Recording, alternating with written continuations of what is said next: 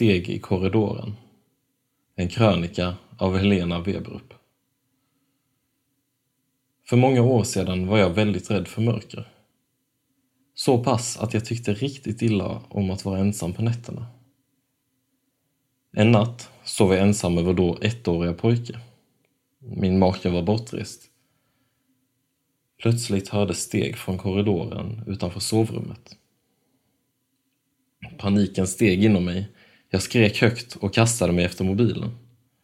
Jag ringde 112 och förklarade att det var någon i huset. Polisen lovade att skicka en bil direkt.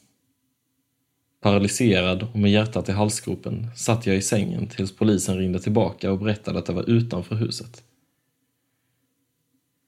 Med min pojke i famnen rusade jag till dörren utan att möta någon i korridoren och släppte in polisen. De gick igenom huset, men hittade inget avvikande och åkte igen. Jag var åter lämnad med min rädsla.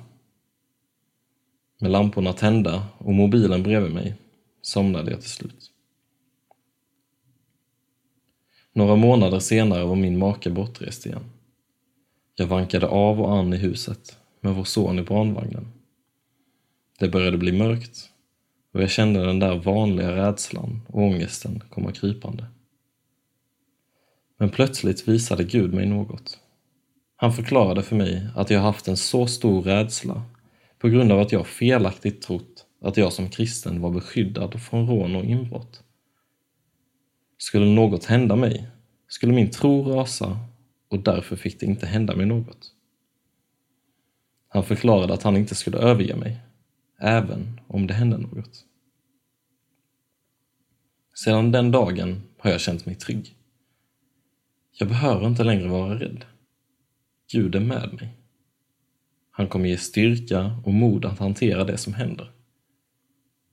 Gud är starkare än alla människor och alla mörkrets makter. Och skulle jag till och med dö, så tar han emot mig.